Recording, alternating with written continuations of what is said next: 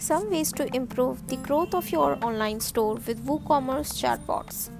Chatbots provide advantageous content delivery and allows brand to send relevant notifications and reminders about upcoming events and offer excellent opportunities. Without much delay, let's dive straight into the ways. The first one is showcase your products with WooCommerce chatbot. Using the chatbot builder tool, one can design and develop customizable chatbots for your store, and you can train your bots regarding the information about your available products.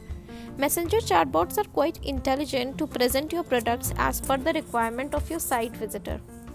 The gallery card gives you an attractive and pleasant look to showcase items, and you can fill that with minute details concerning the product like name, category, purchase link, etc.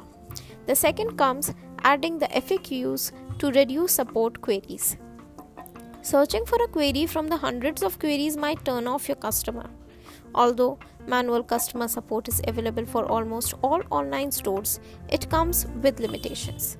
But with Messenger marketing and WooCommerce chatbot, it is easy to settle all the users with just few clicks. One can add all FAQs to the Messenger chatbot and assure 24 7 availability for the customer. Messenger chatbots usually store data and fetch and respond, like order status, shipping information, etc.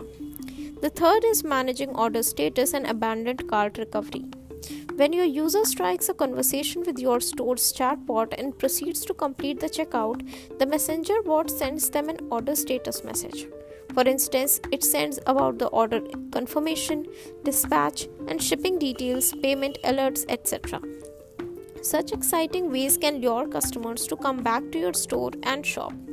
They can be very intrigued and play a vital role in increasing your customer base. But when the customer does otherwise, that is, leaving midway without completely processing the order, the chatbot sends them an automated message after a set of specified hours.